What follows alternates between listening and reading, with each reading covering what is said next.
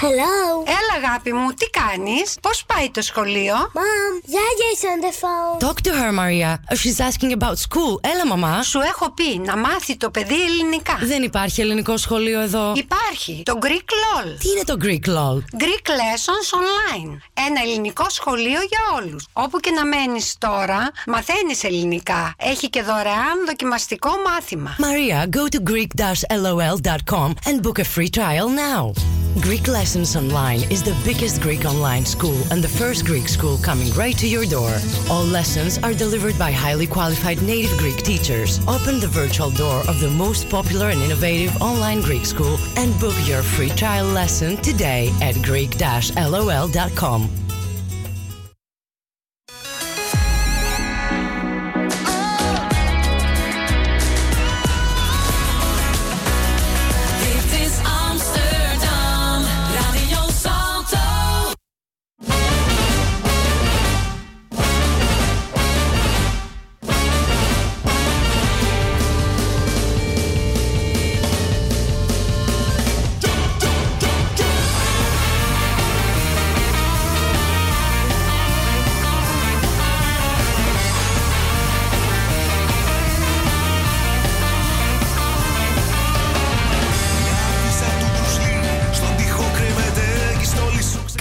Καλησπέρα από το Άμστερνταμ. Άλλη μια Πέμπτη. Είμαστε εδώ, πιστοί στο ραντεβού μας. Αργία σήμερα της αναλήψεως, αν δεν κάνω λάθος. Εσείς πάλι όπου και αν βρίσκεστε, ακούτε ασφαλώς Ελλάς Πίνακα στη μόνη ελληνική εκπομπή στα Ολλανδικά FM. Ζωντανά όπως κάθε Πέμπτη, 9 με 10 το βράδυ, τοπική Ολλανδική ώρα. Στο μικρόφωνο του Ράδιο Σάλτο, ο Νίκος Κουλούσιος.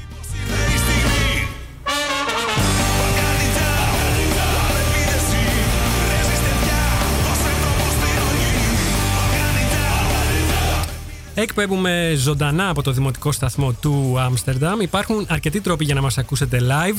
Αν αγαπάτε το συμβατικό ραδιόφωνο, αυτό με την κεραία και βρίσκεστε στην πόλη του Άμστερνταμ, θα μας βρείτε στο ράδιο Σάλτο 106,8 των FM και καλωδιακά στο κανάλι 103,3 πάλι και μόνο στην περιοχή του Άμστερνταμ. Αυτά τα δύο. Ενώ διαδικτυακά μας ακούτε παντού στον κόσμο από το helaspindakas.com, το site μας με ένα κλικ στο κουμπί Listen Now.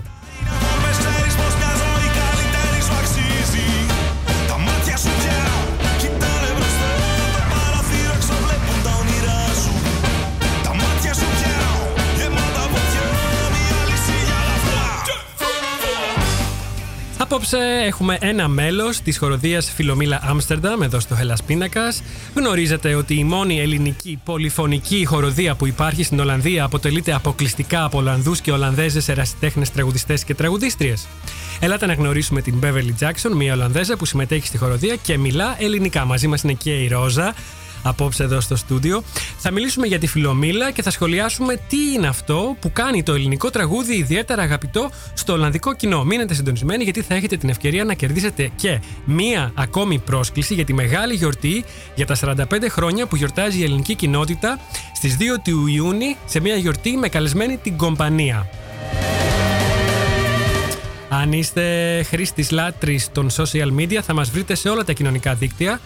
Στη σελίδα μας σε Facebook, Twitter και Instagram. Ενώ για να επικοινωνήσετε μαζί μας ζωντανά, μπείτε τώρα στη σελίδα του Ελλάς Πίνακα στο Facebook και αποστάρετε το σχόλιο σας εκεί. Ή γράψτε μας μέσω Twitter χρησιμοποιώντας το hashtag Ελλάς Πίνακας και hashtag Φιλομήλα.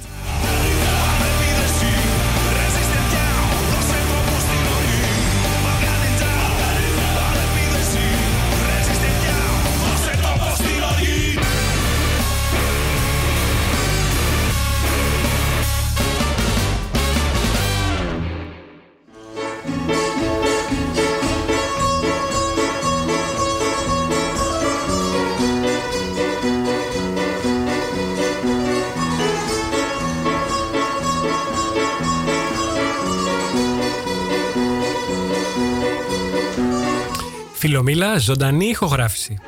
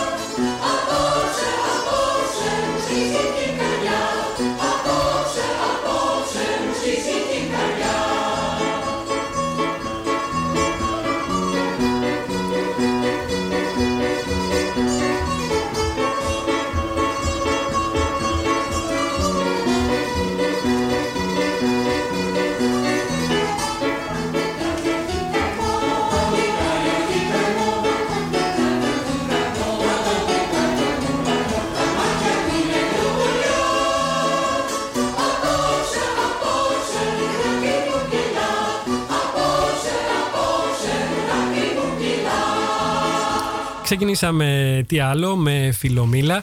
Καλησπέρα. Καλησπέρα. Beverly. Καλησπέρα. Καλησπέρα, Ρόζα. Ένα κο- πολύ μορφο κομμάτι ε, μ, του Θεοδωράκη, ζωντανή ηχογράφηση φυσικά. Και συ- θα συνεχίσουμε με Δημήτρη Μητρο- Μητροπάνο.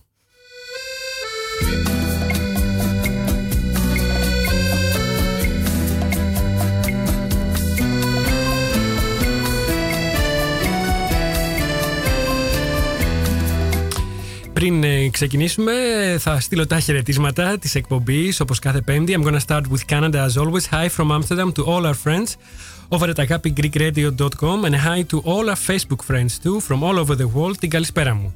Στη Δήμητρα Κάσαρη να στείλω, στο Βασίλη Τσαμασίρο, στην Ευανθία Σακελάρη, στον Νίκο Καλογερά, στη Μαρία Σκουλά, στο Γιώργο Κατσίκη, στη Ριάννα Στεφανίδη, στον Χαν Βίντερμαν.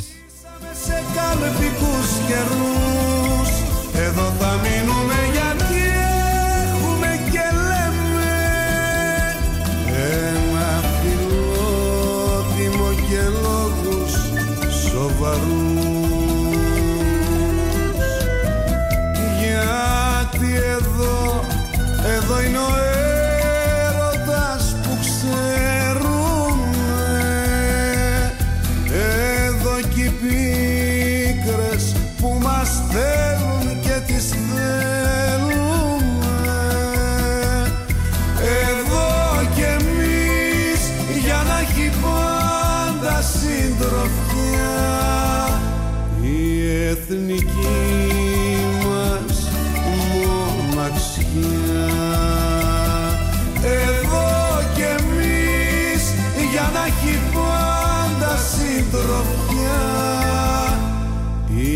εθνική μας μοναξιά.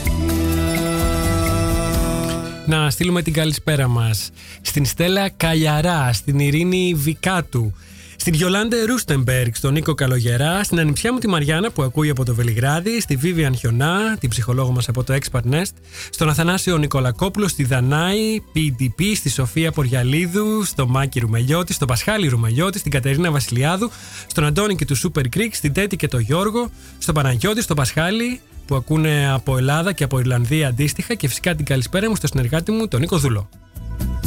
Εδώ που μάθανε τα χρόνια μας να φταίνε Κι όλοι οι γειτόνοι μας ζητάνε μερτικό Παίξε το τζόγο σου και βρήσε τους καημένε Με λεξιλόγιο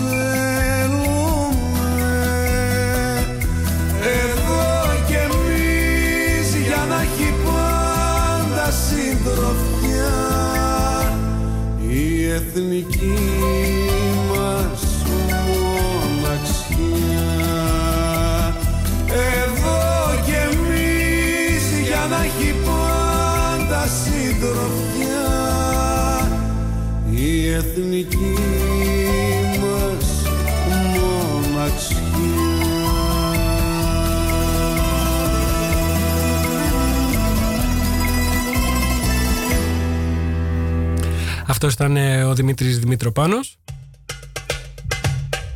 με την εθνική μας μοναξιά.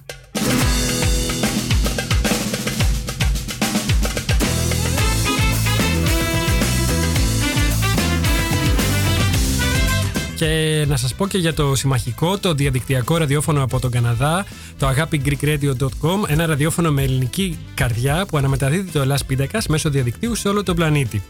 Για όσους είστε στην Ολλανδία ή σε κάποια χώρα που έχει την ίδια ώρα με την Ολλανδία, μας ακούτε και από το agapigreekradio.com, σε ηχογραφημένη φυσικά αναμετάδοση, κάθε μέρα στη μία το μεσημέρι. Όσοι δηλαδή χάνετε το, ζωντανό, το ζωντανό Ελλάς Πίνακας κάθε πέμπτη βράδυ, μπορείτε να ακούτε την αναμετάδοση από το agapigreekradio.com κάθε μέρα στη μία το μεσημέρι. Που πατά γερά το γκάζι και χανόμαστε μες στα στενά απλό Στο ρυθμό που χόρεψα τη ζωή μου Σαν πουλί στον άνεμο θα καθώ Δυο φτερά μου χάρισες ρε ψυχή μου. Το μυστικό που κρατώ.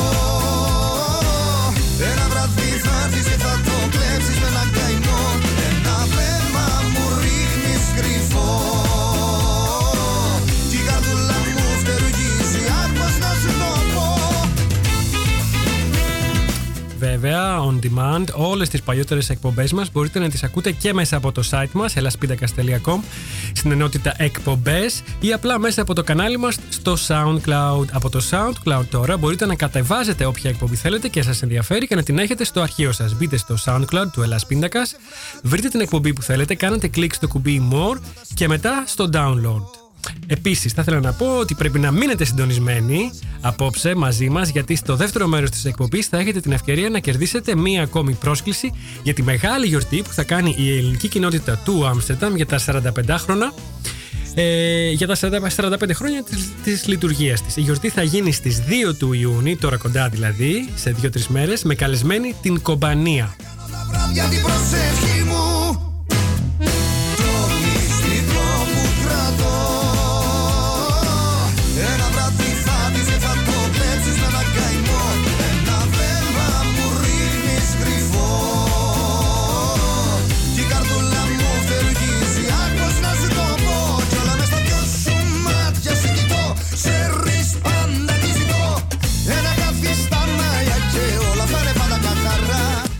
Δώσαμε ήδη μία πρόσκληση από τις δύο που είχαμε στη Μαρία Σκουλά. Αυτή ήταν η νικήτρια της προηγούμενης ε, εκπομπής. Και έχουμε ακόμα μία πρόσκληση. Το πώς μπορείτε να τη διεκδικήσετε. Όσοι ακούτε Ελλάς Πεντακάς μπορείτε να το ξέρετε, μάλλον ε, θα το ξέρετε ήδη.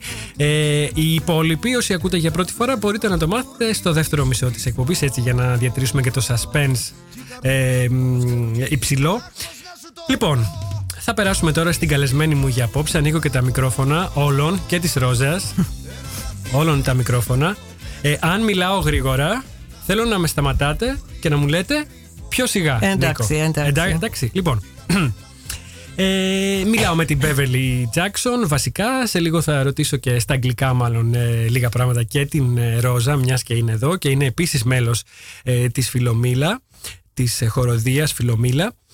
Ε, να σας ακούμε και κάτι ως background, χαλί που λέμε στα ελληνικά. Αυτό είναι το χαλί. Λοιπόν, το ελληνικό τραγούδι σύνορα δεν έχει, όπως λέει το ρητό για τα κόκαλα, σύνορα δεν έχει, αλλά σίγουρα σύνορα τσακίζει. Τρανταχτή απόδειξη για αυτό που μόλις είπα είναι η ελληνική πολυφωνική χοροδία Φιλομήλα με έδρα το Άμστερνταμ που αποτελείται αποκλειστικά από Ολλανδούς και Ολλανδέζες, ερασιτέχνες ή μη, δεν το ξέρω ακόμα, τραγουδιστές και τραγουδίστριες. Μαέστρος και καλλιτεχνικός διευθυντής της χοροδίας είναι ο Γιώργος Μουτσιάρας, τον οποίο είχαμε σε μια προηγούμενη εκπομπή εδώ στο στούντιο. Τρία χρόνια πριν, αν θυμάμαι καλά, στο μεταξύ πέρασε αρκετός καιρός και απόψε έχουμε στο στούντιο και την Μπέβελη και την ε, Ρόζα, ε, με τις οποίες θα μιλήσουμε ελληνικά. Θα προσπαθούμε. Μην, μην αγχώνεσαι, Ρόζα.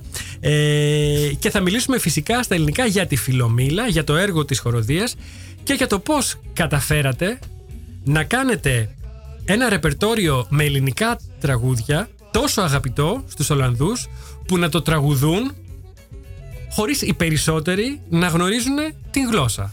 Σωστά; Ναι, ναι, σωστά, Είσαι, σωστά. είσαι η μόνη που γνωρίζει ελληνικά. Όχι, που μιλάει. όχι. Όχι, όχι. Δεν, δεν, ε, ε, ε, η κοροδία δεν είναι αποκλειστικά ε, ε, ε, από τη- τις Ολλανδ- Ολλανδούς. Όχι. Ε, ε, ε, Έχουμε με- μερικούς, ε, ε, μερικά μέλη ε, που, Η που είναι και πλειοψηφία; ε, ε, Ελληνι- ε, Ελληνι- Η Έλληνες. πλειοψηφία όμως Ναι. Ε, Η πλειοψηφία είναι, ε, ε, είναι ο- Ολλανδές. ναι, ναι, Ωραία. Σωστά. Τώρα, Μπέβερλι. Ε, Και Πες εγώ μας, δεν, ναι. δεν είμαι ο- Ολλανδίδα. Για πες δεν μας. είμαι. είμαι Αγγλίδα. Α, εξού και το όνομα. Γιατί το όνομα δεν θυμίζει Ολλανδικό όνομα, για να είμαι ειλικρινής.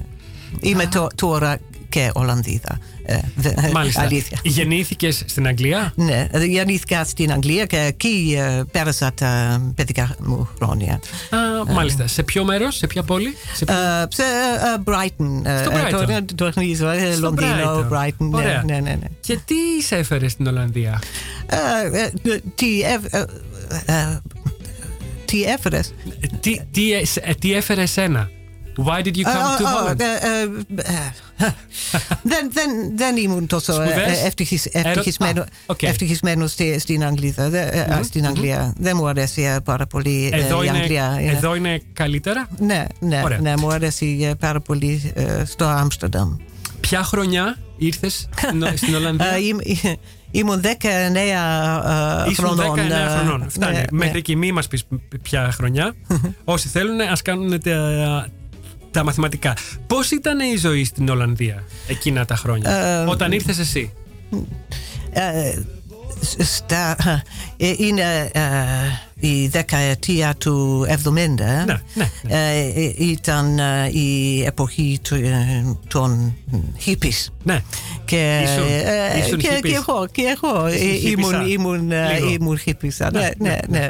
Ε, ε, και μετά ε, σπούδασα και ε, ε, ε, ε, ε, η ζωή ε, άλλαζε. ε, ε, άλλαζε. Μμμ, μμμ. Ε, διαφορές ε, με το σήμερα υπάρχουν; Έχει αλλάξει πάρα πολύ η ζωή. Η, η ζωή Στην μου Ολλανδία; ή η ζωή στο Η ζωή σου. Άμστερνταμ.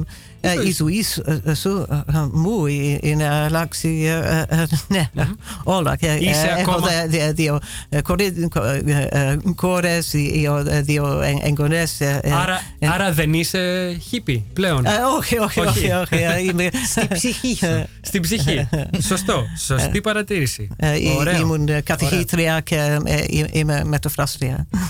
Είσαι μεταφράστρια. Ναι. Δουλεύεις με αγγλικά και Ε, ολλανδικά; από, από τα Ολλανδικά ε, ε, στα, στα Αγγλικά. Ναι. Ε, μ, τι είναι αυτό που σου αρέσει στη ζωή σου στην Ολλανδία; Γιατί Ε, έφυγες, πρέπει έφυγες να από πω, την ε, Αγγλία; πρέ- πρέπει να πω ο- ότι ε, για μένα ε, είναι ε, ε, διαφορετικά. Ο, ο Άμστερνταμ, το Άμστερνταμ ε, ε, δεν είναι η Ολλανδία. Και, μ, ε, εγώ ε, ε, γνωρίζω πολύ καλά το, το Άμστερνταμ. Και μ, μου αρέσει το Άμστερνταμ. είναι, Γιατί; ε, Γιατί; γιατί ε, είναι τόσο μ, διεθνές Ναι. και υ- υπάρχουν ε, τόσο πολλά πράγματα να κάνουμε. Ναι. ε, ενδιαφέροντα μουσείο, ε, μουσική, ταινίες κτλ. Και όλα είναι δέκα λεπτά με το ποδήλατο από το σπίτι μου. Οκ. Τι είναι αυτό που δεν σου αρέσει στη ζωή στην Ολλανδία; Εμ, Και α, θα ήθελες στο αν μπορούσες Άμστερνταμ, να, στο το, αλλα- να Άμστερνταμ. το αλλάξεις. υ- υπάρχει ένα, ένα πρόβλημα στο Άμστερνταμ τώρα. Ένα Ε, μόνο; με τε- ε, ε, ένα πρόβλημα μόνο. Ένα μεγάλο, ένα βασικό. Ένα μεγάλο πρόβλημα ε, είναι ότι ε, ε, έχουμε πολλές, ε, ε, ε, πολλούς τουρίστες. Ε, τόσο πολλοί- πολλούς τουρίστες. Ε, είναι, ε, είναι πολύ, πολύ κόσμος ε, στο Άμστερνταμ ε, τώρα και εμ, Αυτό είναι ε, πρόβλημα ε, για ε, σένα. είναι, ε, ε, υπάρχει κίνδυνος ε, να γίνει σαν τη Βενετία. Να γίνει Και, Disneyland. ναι, ε, ναι, ναι, ε, και πρέπει να το μ, αποτρέψουμε. Οκ. Μμ. Σε μια άλλη εκπομπή θα ήθελα να μιλήσουμε λίγο περισσότερο γι' αυτό. Ενδιαφέρουσα ε, η τοποθέτησή σου. Τώρα, ε, στην Ελλάδα πηγαίνεις τακτικά, συχνά. Ναι, συχνά, ναι, ε, ε, ε, μ, ε, ε, τουλάχιστον ε, μία φορά ε, το χρόνο. Το χρόνο. Θυμάσαι όμως την πρώτη φορά. που Oh, την πήγες; πρώτη φορά. Α, την πρώτη φορά α, είναι ο, α, 1976 νομίζω. Μμ, Γεννήθηκα, Είναι- γεννήθηκα το 76. Α, Αυτό δείχνει πόσων χρονών είμαι εγώ. Ε, Στην Κρήτη. Πού, πη- στην Κρήτη. Στην Α, Κρήτη. μάλιστα. Άρα να τολμήσω να πω ότι η Κρήτη είναι το αγαπημένο σου μέρος; Είναι Όχι, η Κρήτη- όχι, όχι, όχι, Ποιο όχι είναι το πια. αγαπημένο σου μέρος; Α, α, Νησί, υπάρχουν, πόλη. υπάρχουν πολλά. α, λατρεύω α, το ναύπλιο στη- Ναύπλιο. στο Πελοπόννησο. Ναι, ναι, ναι. Α, ήμουν α, εκεί δύο-τρει φορές νομίζω. Και α, η Κάρπαθος α, και η α, Αλόνισος είναι υπέροχος, υπέροχες. Είναι, Πανέμορφα νησιά. ναι, Ε, και η αχ- α, αγαπημένη μου α, πόλη είναι η, ε, η Μύθυμνα, ε, ε, ε, δηλαδή ο, ο είναι; Μόλιβος ε, Α, ο στη Μόλιβος. Λέσβο. Ναι, ναι, Στη, στη ναι. Λέσβο. Να σε ρωτήσω, ε, όταν πηγαίνεις στην Ελλάδα πηγαίνεις ε, μόνο για διακοπές ή κάνεις και άλλα πράγματα όπως ας πούμε να δεις μια παράσταση, να δεις ε, μια χοροδία, να δεις κάτι καλλιτεχνικό στην Ελλάδα; Έχεις Ε, κάνει και μ. τέτοια πράγματα ή είναι μόνο θάλασσα και διακοπές; Ναι, όχι, αλλά, ε, ε, μία φορά, ε, 2015, ε, εργάστηκα ένα μήνα ε, εκεί ως ε, εθελόντρια. Α, πού; Ε, Στη Μυτιλήνη; στη Λέσβο, Στη σε, Λέσβο, ναι, ε, ναι. ε, στη Μόλιβο, ε, με τους πρόσφυγες. Α. Και ε, οπότε έχω ένα ιδιαίτερο δεσμό με αυτόν τον τόπο. Καταλαβαίνω. Έχεις προσφέρει δηλαδή και εθελοντική εργασία. Ναι, ναι, εκεί. ναι. Για μία χρονιά. Μπράβο. Μπράβο, Μπέβερλι. Και παίρνω μαθ- μαθήματα ε, ε, ελληνικών, Ελληνικών, εκεί. όσο Ναι, είσαι ναι, εκεί. Ναι, ναι. Α, μάλιστα. Ε, μ, όταν είσαι στην Ελλάδα, νιώθεις ότι θα μπορούσες να ζήσεις ίσως στην Ελλάδα εκεί; Κάποια στιγμή. Θα το ήθελες ή, προ, ή προτιμάς να ζεις μόνιμα στην Ολλανδία και να πηγαίνεις κάθε καλοκαίρι στην Ελλάδα. Θα μπορούσες κάποια στιγμή να ζήσεις μόνιμα στην Ελλάδα. Δεν, δεν θα ήθελα γιατί ε, τα, τα παιδιά μου και οι, οι εγγονές μου ε, είναι εδώ στο Άμστερνταμ. Α, έτσι λοιπόν δεν θα ήθελα να, να ζω Οκ. μόνιμα στην Ελλάδα. Αλλά ε, έξι μήνες εκεί, έξι μήνες εδώ ε, ε, θα, θα φαίνεται Συμφωνεί και η ιδανικό, Ρόζα ναι. από ό,τι βλέπω. Ε, τώρα, ερώτηση κρίσεως που λέμε στα ελληνικά. Ε, θέλω τη γνώμη σου δηλαδή. Πού πιστεύεις ότι είναι η ζωή πιο ελεύθερη, Ε, η ελευθερία. στην Α, Ελλάδα ή στην Ολλανδία; έτσι, οπ- έτσι όπως το καταλαβαίνεις. ε, υ- υπάρχουν διαφορετικά ε, είδη ελευθερίας, δεν είναι έτσι; Δεν είναι το ίδιο για, για, για, όλου, για όλους. Ε, Παραδείγματος χάρη, ε, νομίζω ότι εδώ στην Ολλανδία έχουμε περισσότερες, πε- περισσότερους κανόνες και γραφειοκρατία. Αχα. Ε, είμαστε αρ- αρκετά ε, υπάκουοι. Και στην Ελλάδα έχουμε γραφειοκρατία. Yeah. Να σε Yeah. πληροφορήσω. Και στην Ελλάδα έχουμε γραφειοκρατία. Ε, Ναι, Πάρα πολύ. ε, ε, αλήθεια, αλλά ε, έχω την, την ε, εντύπωση ότι οι Λε- Έλληνες συχνά αισθάνονται πιο ελεύθεροι να αγνώ, αγνοούν Τους τους, κανόνες. κανόνες. Σε αυτό έχεις δίκιο. Άρα πιστεύεις ότι η ζωή ίσως είναι πιο ελεύθερη στην Ελλάδα γιατί δεν ακολουθούμε τους όχι, κανόνες; όχι, όχι. Όχι. Ε, ε, ε, ε, γενικά έχουμε μεγαλύτερη- μεγαλύτερη ε- ελευθερία στην Ολλανδία. Ναι. Ε, ναι, ναι, ναι. Εν, ε, εν μέρη ίσως λόγω του δια, διαχωρισμού ε, Α. εκκλησίας και κράτους. Α, σωστή και αυτή η άποψη. Μάλιστα, τώρα καταλαβαίνω τι εννοείς. Σε αυτό θα συμφωνήσω μαζί σου. Ναι. Μμμ, μμμ. Ε, λοιπόν, ελληνική μουσική. Πρώτη φορά άκουσες στην Ελλάδα ή στην Ολλανδία; Α, στην Ελλάδα, στην Ελλάδα. Α, θυμάμαι την ε, πρώτη φορά που παρακολουθούς- πα- παρακολούθησα μια βραδιά ε, ελληνικού χορού. Έλα. Ε, Πού, ήμουν, πού, ε, πού; ε, Πού; ε, ε, ε, στην Κρήτη. Στην Κρήτη, στην Κρήτη, στην ναι. Κρήτη, ναι. Ήμουν βαθιά ε, συγκινημένη ε, Ναι, από τον χορό και τη μουσική. ναι, Λατρεύω και, και τον ήχο του μπουζουκιού. ναι. Ναι, ναι. Γιατί, πολύ. Ε, σαν ήχο ή σαν σε, σε ήχο, συγκινεί; σαν- Ναι, ναι, Ναι. συγκι- συγκινημένη, ναι. Ναι, ναι. Ε, μ, άρα ήταν εκεί στην Ελλάδα. Θυμάσαι μ, ίσως ποιο ήταν το πρώτο τραγούδι ελληνικό ή ο πρώτος καλλιτέχνης που άκουσες, που ήθελες να μάθεις για αυτόν; Ποιος είναι αυτός, ποιος είναι αυτός που τραγουδάει; Δεν, ποιο δεν, είναι ή- αυτό δεν- το δεν τραγούδι; ήταν ε, ε, ε, στην Ελλάδα. Νομίζω ότι είναι ε, Πάρα πολύ. σε μια ταινία. Σε μια ταινία. Α. Ναι, ναι, ναι. Νομίζω ότι, ότι πρέπει να ήταν η, η Μελίνα Μεκούρη. Ε, να τραγουδάει ε, τα παιδιά του Περαία, του Τι να Μανου πω. Χατσιδάκη. Τα είπες όλα. Δεν Ναι. χρειάζεται να, να ρωτήσω τίποτα άλλο, να προσθέσω τίποτα άλλο. Άλλους αγαπημένους καλλιτέχνες, τραγουδιστές έχεις να μας πεις και, Α. και θέλω και η Ρόζα να ετοιμάζεται για αυτή την ε, ερώτηση. Αγαπημένοι καλλιτέχνες, τραγουδιστές, Έλληνες και Ελληνίδες. Ναι. Ε, Beverly. Ε, μεγάλο μέρος ε, της μουσικής του, Ναι. του Θεοδωράκη Μάλιστα. Ε, είναι Άρα ο, ο απίστευτα. συνθέτης σου αρέσει ο Θεοδωράκης, ναι, ναι. ναι. και ε, ε, ε, Νταλά- Νταλάρας. Από τραγουδιστές Ε, ναι, ξεκινάς το- με Νταλάρα. Ναι. Ναι. το μη- μη μου, μου θυμώνεις ε, μάτια μου και το σ' αγαπώ γιατί ει- είσαι ωραία. Γιατί είσαι Είναι ωραία. επίσης ε, μεταξύ των τραγουδιών Στο, που, top, ε, στο το- top 5. Στο top Ναι, five στο, σου. στο, στο Από- ρεπερτόριο μας. Ε, Α, ε, τα, τα τραγουδάτε και ναι, ναι, στη ναι. Φιλομήλα. ναι. Μμμ. Ε, μ, Ρο- Ρώσα, favorite, favorite singers, Ναι. Greek, Ε, male, female. Νταλάρα. Νταλάρας; Επειδή. Α, και οι δύο. ε, Ναι. Και ήμουν σε, στις. Ε, ναι. Μας διακόψανε. Και. Ε, Νταλάρας αλλά και; Ξέχασα το, το όνομά του. Ε, αλλά ε, τραγουδάει. Ε, ε, Απ' τους παλιούς, Σταυρό απ' του τους- Νότου. Σταυρός του Νότου, όχι τώρα. Με, με, με, με, με, με, κάτι με, με. Μιλτιάδης Πασχαλίδης. Όχι, ε, από τους παλιούς τώρα εσύ λες. Όχι, όχι. Θα το βρούμε. Δεν πειράζει. Θα το βρούμε. Λοιπόν, ε, Και Χάρης Αλεξίου βέβαια. Χαρούλα Αλεξίου. Μάλιστα. Μπήκα πρόσφατα σε ένα, ελληνικό, σε ένα ολλανδικό εδώ μαγαζί κατάστημα με ρούχα και παίζανε Χαρούλα Αλε- Αλεξίου εδώ, στην Κάλβεστρετ. Αλήθεια; Στη- στη- στην Κάλβεστρετ. Και ρωτάω την. ε, θα, θα έλεγα και το όνομα, αλλά θα κάνουμε διαφήμιση. Ρωτάω την πολίτρια και μου λέει ναι, μα Αλλά δεν ήταν την ακούμε Έλληνες. και μας αρέσει. Όχι. Ε, Ολλανδέζα. Ολλανδί. Λέει ναι, πώς. Μας αρέσει και την ακούμε. Έμεινα έτσι.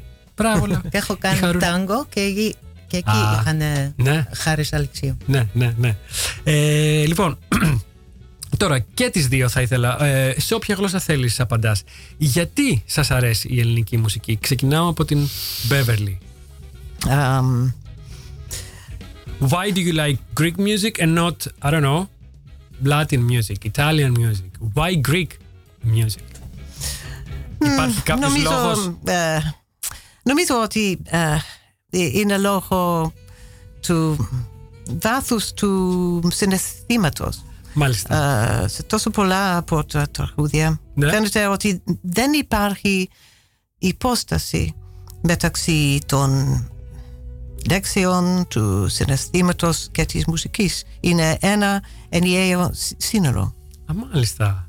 Πάρα πολύ ωραία απα- απάντηση. Σε συγκινεί το συνέστημα. Αυτό είναι που σου Ναι, βγάζει. ναι, για μένα. Ε, why do you like Greek music, Rosa? It has something to do with the harmonies. Μάλιστα. They're completely different from us, Yes. and um, That is true. I, which I love. Yeah. it is a little bit Middle Eastern like. Yes, um, yes, yes, yes. And I like the very dramatic, heavy yeah. trouble. Yes, yes, yes, yes. Life Fedorak is terrible. Fedorak especially Symphono, very Symphono. dramatic. He's like uh, almost to the point that uh, in Greek we say pombodis, like yeah. uh, like for the re revolution. Mm. starmata, starmata. And like and you um, find in rebetika. Like life is terrible and, and how Yes, do I yes. get through I'm and gonna nobody ask loves you, I'm me. gonna ask you both about Rebecca a little uh, later. It's in my uh, question. So, but I- but I wanted to ask you: uh, Is the lyrics one of the reason? Είναι η στίχη ένας από τους λόγους που αγαπάτε τε- το ελληνικό τραγούδι. Beverly. Είναι και ο στίχος. Once you Ναι, understand. ναι, ναι, ναι. Once Δεν you νομίζω, δεν understand νομίζω. the Για- song, γιατί, ε, γιατί ε, στην αρχή δεν καταλαβαίνω Δεν καταλαβαίνεις καθόλου τίποτα. τους στίχους. Πρέπει Οπότε να, να όταν- αναζη- αναζητώ. ε, Όταν τα αγάπησες, τα αγάπησες χωρίς να γνωρίζεις τι ε, λένε; χω- ε, χωρίς να γνωρίζω. και, και αυτό έχει και μια ιδιαίτερη αξία. Ε, Μας είπες ότι μαθαίνεις ελληνικά όσο ε, κάθε φορά που πας στην Ελλάδα. Ναι, ναι. Μα, μαθαίνεις ελληνικά. Έχεις κάνει και στο σχολείο, έχεις πάει στο χι- γυμνάζιο που λένε εδώ; Ε, δε- Έχεις κάνει ε, αρχαία ελληνικά; Αρχαία ελληνικά δεν, δεν διδάσκονται ε, στην Αγγλία. Α, Ε, συγγνώμη. στο, στο σχολείο. Στην Αγγλία, ναι, ναι, ναι. ναι, ναι.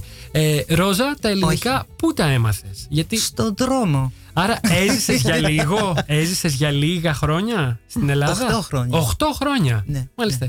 Και φοβάσαι να μιλήσεις Ναι, ελληνικά; φοβάμαι, επειδή ήταν ε, 28 χρόνια πριν ε, ε, 28 Είναι χρόνια. πολύ καλά. τα- Δηλαδή τα ξέχασα. τα πιο ελληνικά. πολύ. Θέλει μόνο θάρρος. Αλήθεια σου λέω. Θέλει μόνο θάρρος και αυτοπεποίθηση.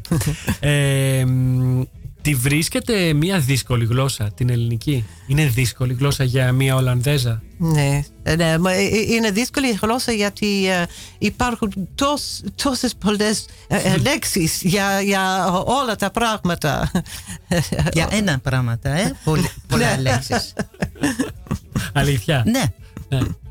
νομίζεις, α, τώρα ξέρω ότι είναι πόρτα και μαθαίνεις ε, τρία άλλα ονόματα για Ναι, αυτό. ναι, αλήθεια. Κάπως έτσι νιώθω και εγώ για την Ολλανδική γλώσσα, ίσως όχι ως προς το λεξιλόγιο.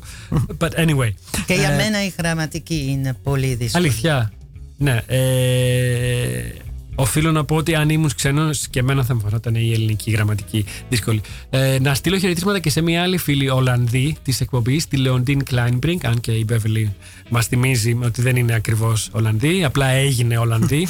ε, Έχεις πάρει διαβατήριο; Ναι, ναι, ναι. Οκ, ναι, μάλιστα. ναι. Δι- Δύο, δύο, είναι πολύ σπουδαίο ε, Ναι. ε, τώρα με το Brexit. Ε, έχω δύο φα- διαβατήρια. πάρα, πολύ, πάρα πολύ σπουδαίο. Πάρα πολύ σπουδαίο και σημαντικό για σένα και καλά έκανες και το έκανες. Ε, μ, είπατε ότι σας αρέσει η Ελλάδα για τους λόγους που σας αρέσει. Οι άνθρωποι της, Μπέβερλι, οι Έλληνες, σου αρέσουν ε, και θέλ- θέλω να είσαι ειλικρινής, να βάλεις που λέμε το χέρι στην καρδιά και να μου πεις σου αρέσουν οι Έλληνες. Ναι, ε, ε, ε, Σου ε, ταιριάζουν, ναι. Ταιριάζουν με το χαρακτήρα σου. ε, ε, Μάλιστα, μάλιστα. Ναι. Ε, ε, ε, ε, Έχω μια ιδιαίτερη σχέση με τη συναισθηματική φύση των Ελλην- Ελλήνων, νομίζω. Είναι, είναι love-hate. Love-hate.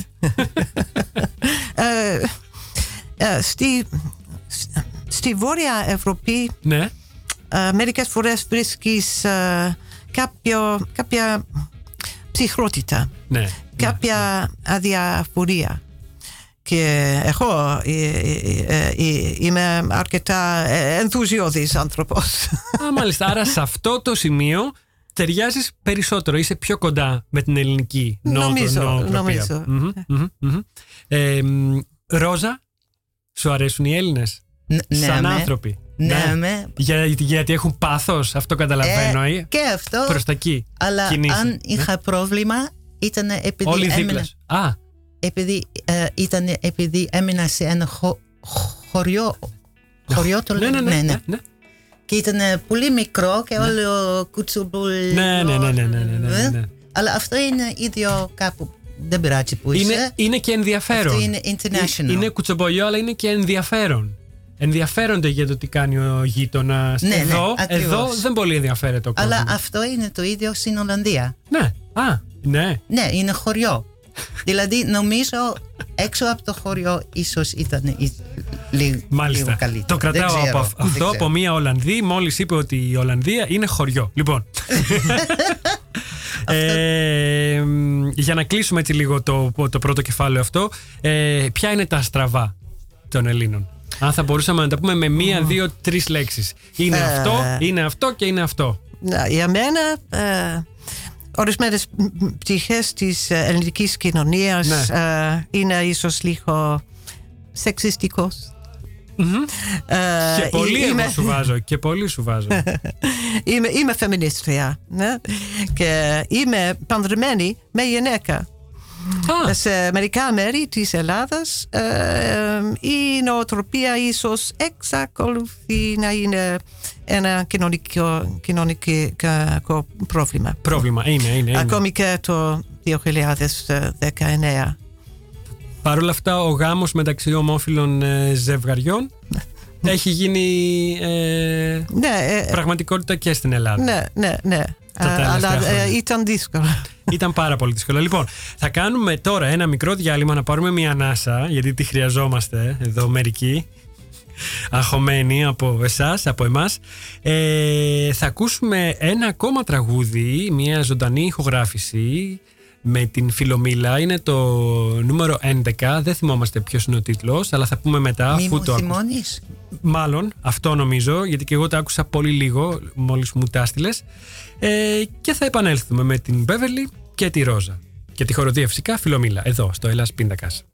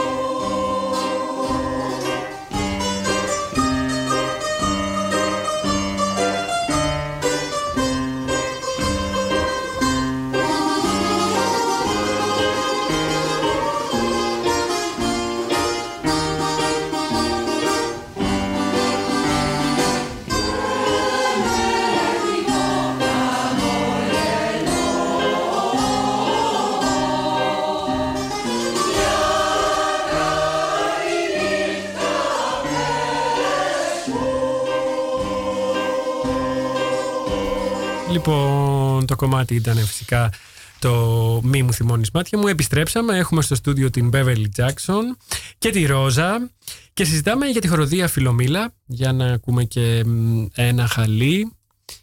Συζητάμε φυσικά για την Φιλομήλα που είναι μια χοροδία με ελληνικό ρεπερτόριο με την πλειοψηφία των ε, μελών να είναι Ολλανδοί και Ολλανδέζες με Έλληνα μαέστρο, τον Γιώργο Μου- Μουτσιάρα.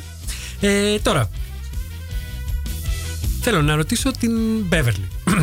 θέλω να μου πεις πώς ξεκίνησε η σχέση σου με το τραγούδι, με τη μουσική. Έγινε τυχαία; Υπήρχε κάποιος στην οικογένεια που τραγουδούσε, Ε, που έπαιζε ε, κάτι; ε, ε, Έστω η, η, ερασιτεχνικά. η μουσική ήταν, ήταν πάντα μέρος ε, της ε, ζωής μου. ε, Ναι. ε, και ε, ε, ως παιδί ε, έπαιζα πιάνο Α. και, και με τραγου, ε, ε, τραγούδισα ε, ε, ε, συχνά στην, ε, στις ε, κοροδιές ε, πάντα πάντα. Μμμ, μμμ. Ε, τραγουδάς μόνης στο σπίτι ή με φίλους σε, σε παρές εκτός της χοροδίας εννοώ. Ε, Τραγουδάτε; η, η, η κόρη μου, η Α. κόρη μου ε, ε, ε, ε, είναι ε, επαγγελματίας ε, συνθέτης και Αλήθεια. τραγουδίστρια. Ναι, ναι, ναι. Άρα Ε, μετέφερες- ε, μπο- μπορώ να, να, να, να κάνω ε, ε, ε, δια- διαφημίσεις. Δια- δι- διαφήμιση. Δεν πειράζει. Γιατί, ε, το, Θα όνομα, φέρουμε- το όνομα του ε, της είναι Ναι. η Tesseros Jackson, αλλά ε, το Βεβαίως. καλλιτεχνικό της όνομα είναι Someone. Δηλαδή Someone. κάποια. Κάποια. Ναι, ναι. Ε, Μπορείτε μ. να το τη βρείτε στο someone's Θέλω να έρθει η Ναι. someone, η κόρη σου, στην Ναι, εκπομπή. ναι, είναι, αν είναι, θέλεις. είναι ε, ε, αλήθεια. ε, ε, Της ε, κάνω, κάποια. αν μας ακούει, επίσημη πρόταση, δημόσια πρόταση να έρθει στην εκπομπή να τα πούμε στα αγγλικά. Ναι. Ε, για, για όλα αυτά που κάνει, για τη μουσική της και όλα αυτά. Εντάξει. Ε, μ, τώρα, επειδή έχουμε μόνο ένα τέταρτο από ό,τι βλέπω, άρα πρέπει λίγο να βιαστούμε. Ε, η Φιλομήλα ήθελα να σε ρωτήσω, είναι η πρώτη χοροδία στην οποία συμμετέχεις; Ε, ε, ό- όχι, όχι. ε, ε, ε, Έχεις ε, ξανατραγουδήσει σε ε, χοροδίες. πο- πολλές, πο- Πολλές χοροδίες. Ναι, ναι, ναι. Τα ελληνικά τραγούδια που λέτε τώρα στη Φιλομήλα, τα γνώριζες από πριν. Όχι, όχι. δε- ε, ε, γνώριζα ε, Μερικά. τα χρόνια ε, ε, ε, τραγούδοντας ε, στην, στην, ε, στην χοροδία. Ναι, ναι, ναι, ναι, ναι, ναι. Ε, πόσο δύσκολο είναι να τραγουδάς στα ελληνικά. Ε, είναι δύσκολο ε, για μένα, είναι δύσκολο να βλέπω... Η ε, άρθρωση, η άρθρωση, the way, you know. No, όχι, ε, Όχι. τ- τόσο. ε, ε, ε, ε, είναι, είναι δύσκολο για μένα να ε, βλέπω ταυτόχρονα και ε, ε, τα, τους στίχους και ε, τη μουσική. Και το μαέστρο. Ναι, ναι. Ε, όχι, όχι, και Α. τη μουσική. Ε, ε, Τη ε, μελωδία μελωδία και, και, και τους στίχους Τη μελωδία. ε, ε, ταυτόχρονα. Είναι, είναι δύσκολο. Κάποια στιγμή τους στίχους δεν τους μαθαίνεις και απ' έξω μετά την Ω- επανάληψη. ε, ε, όχι, ε, δύσκολο. Όχι, ε, δύσκολο, α- ε. αντιγράφω, ε, ε, αντιγράφω τους στίχους Σκονάκια, ε, σε ένα σκονάκια. ξεχωριστό φύλλο. σκονάκια, σκονάκια. Ε, μ, τραγουδώντας όμως μαθαίνεις σιγά σιγά, λέξη λέξη, λίγο λίγο Ναι, ε, ναι. και τα ελληνικά. Ή τουλάχιστον εξασκείς και τα ελληνικά. Ε, ο Γιώργος επιλέγει τα τραγούδια, το Ναι. ρεπερτόριο; ναι, ναι. Ναι. ε, ε, ε, επιλέγει ε, ε, ε, όλο το ρεπερτόριο και, ε, και ε, έχουμε ε, τώρα πάνω από ε, ε, 60 ε, τραγου- τραγου- ε, Αλήθεια. τραγούδια και, και, Και έχετε- μαθαίνουμε ε, ε, τουλάχιστον ε, ένα ε, ε, τραγούδια ε, ε, πάνω ε, κάθε χρόνο. Και έχετε και παραδοσιακά, έτσι, αρκετά. Ε, ναι, ναι. ε, ε, ε, ε, έχουμε ε, μερικά ε, ε, ε, διαφορετικά. ε, Τα παραδοσιακά ήθελα να, να ναι, ναι, με, ρωτήσω. ε, ε, ε, ε, σαν ε, Έχεια, ε, Παναγιά και Ναι, ε, ναι, ναι, ναι, ναι. ε, το Σαχαπό. ε, αλλά ε, ε, τραγου- τρα- τραγουδούμε ε, ε, Τσιτσάνι και Χατζηδάκη και πολλού, πολλά τραγούδια του Κουιουντζή. Θεοδου- Θεοδουράκη. και- Αυτά, αυτά τα είπαμε. Ήθελα όμως να σε ρωτήσω ιδιαίτερα για τα, παραδοσ... Ναι, για τα αλλά παραδοσιακά. ε, ε, τα παραδοσιακά δεν, δεν είναι τα, τα ε, αγαπημένα ε, τα ε, τραγούδια μου. Ωραία. Ε, Α μιλήσουμε τότε για τα ρεμπέτικα, γιατί η ερώτηση είναι κοινή. Ήθελα να ρωτήσω αυτά τα τραγούδια, τα παραδοσιακά αλλά και τα ρεμπέτικα, έρχονται από μια άλλη επ- εποχή. Ε, τουλάχιστον 50, 60, 70 χρόνια πριν, όταν γράφτηκαν και έγιναν ε, γνωστά σε πρώτη φάση.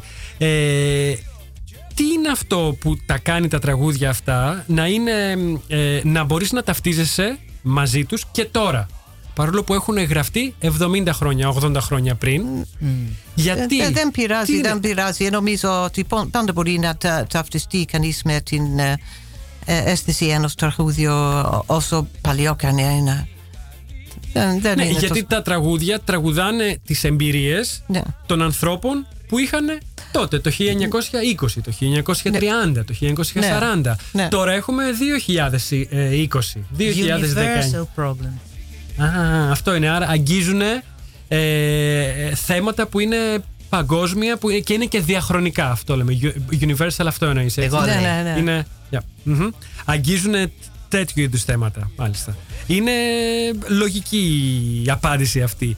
Ε, τραγούδια μπορείτε να, δω, να δώσετε κι εσείς τον Γιώργο; Δηλαδή, αν ακούσετε ένα τραγούδι όπως άκουσες εσύ του Μητροπάνου πριν και με ρώτησες ποιος είναι Ναι, ο ερμηνευτή ναι, ναι. που σου λέω ο Μητροπάνος μπορείς να πας αύριο στο Γιώργο και να πεις: Θέλω στη Ε, Φιλομήλα να τραγουδήσουμε Μητροπάνο. Όχι. Ε, είναι δυνατό. Είναι, Είναι δυνατό. δυνατό, Ε, ε, δε- δεν θα ήταν εύκολο ε, για μένα, για μας, Ναι. ε, να διακρίνω ε, αν ένα τραγούδι είναι κατάλληλο για, για μια ε, χοροδία.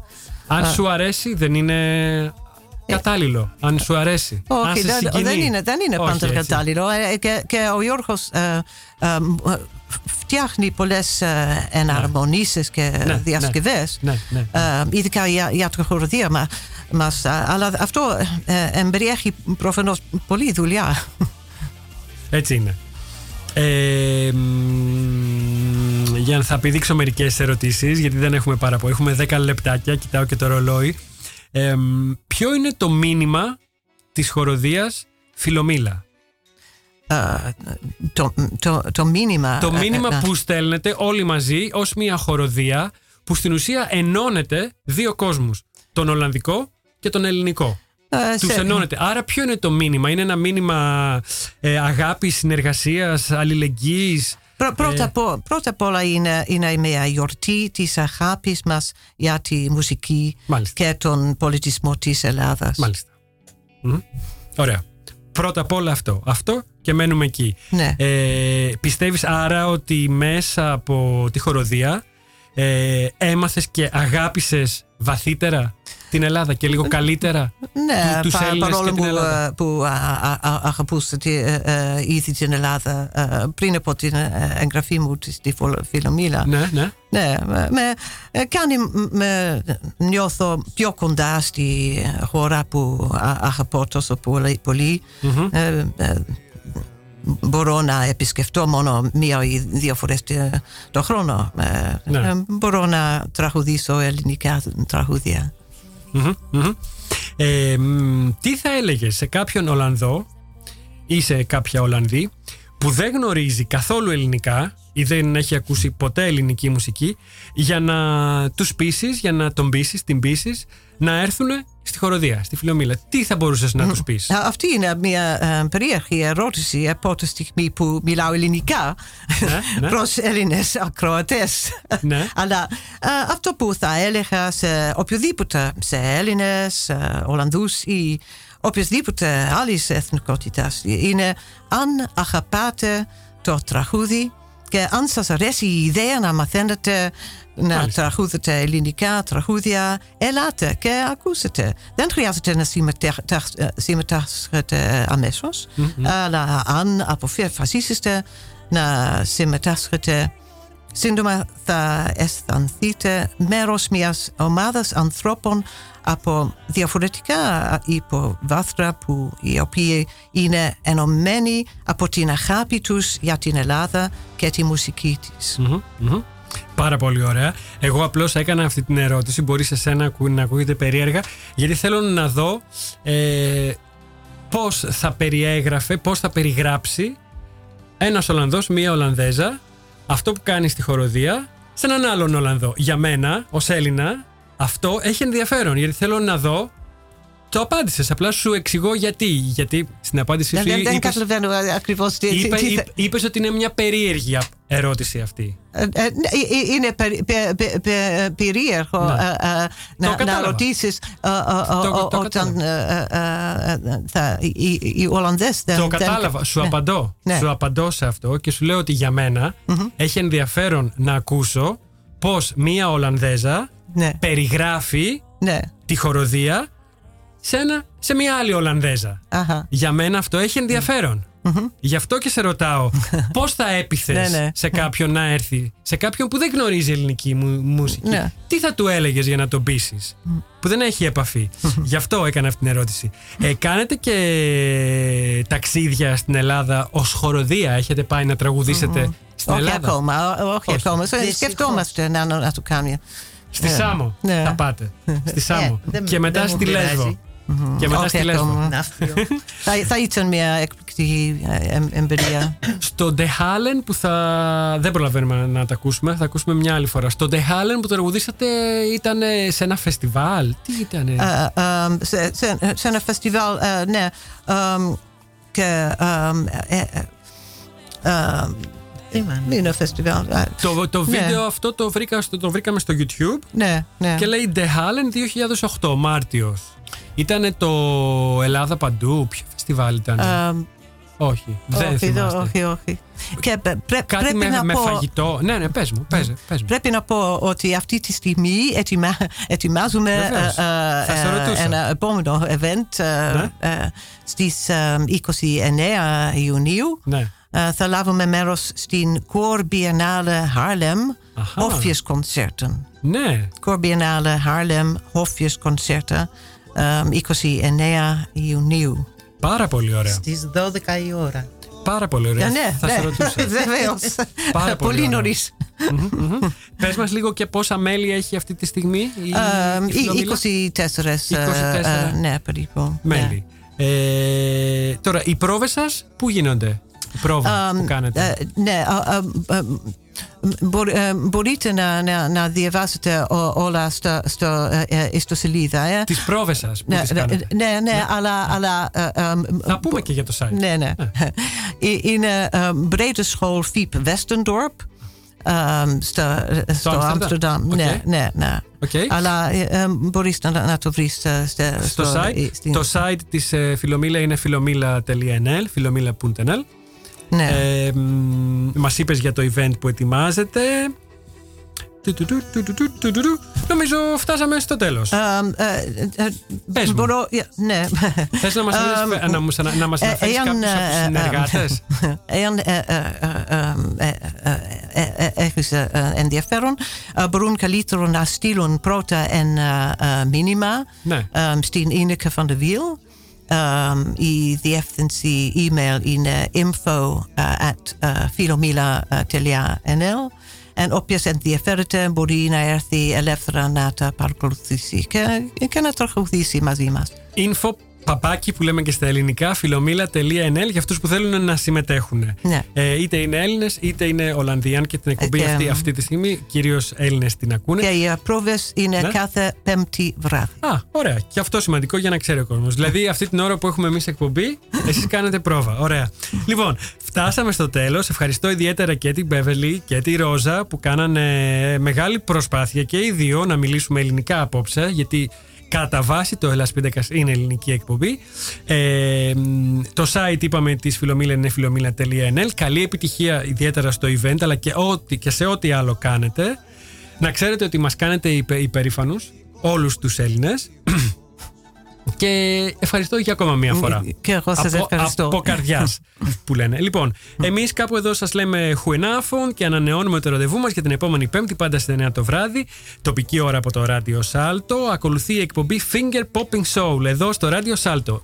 Μέχρι την επόμενη Πέμπτη να είστε καλά και να περνάτε ακόμα καλύτερα. Καλό Παρασκευό Σαββατοκύριακο σε όλους. Το Follow and Care. Ντουντούι. Θα φάμε, θα πιούμε Λεβέντισε και νηστική. Θα κοιμηθούμε. Τέλεια. Ο Καραγκιόζης το έλεγε αυτό.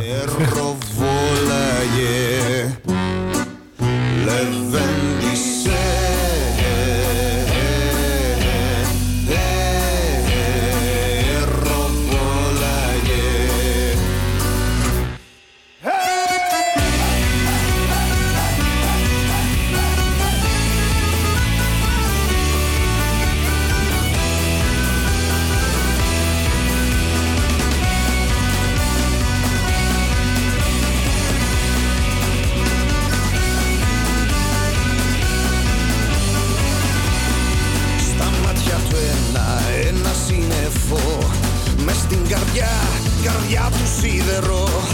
Κυλάει το αίμα, σκέπασε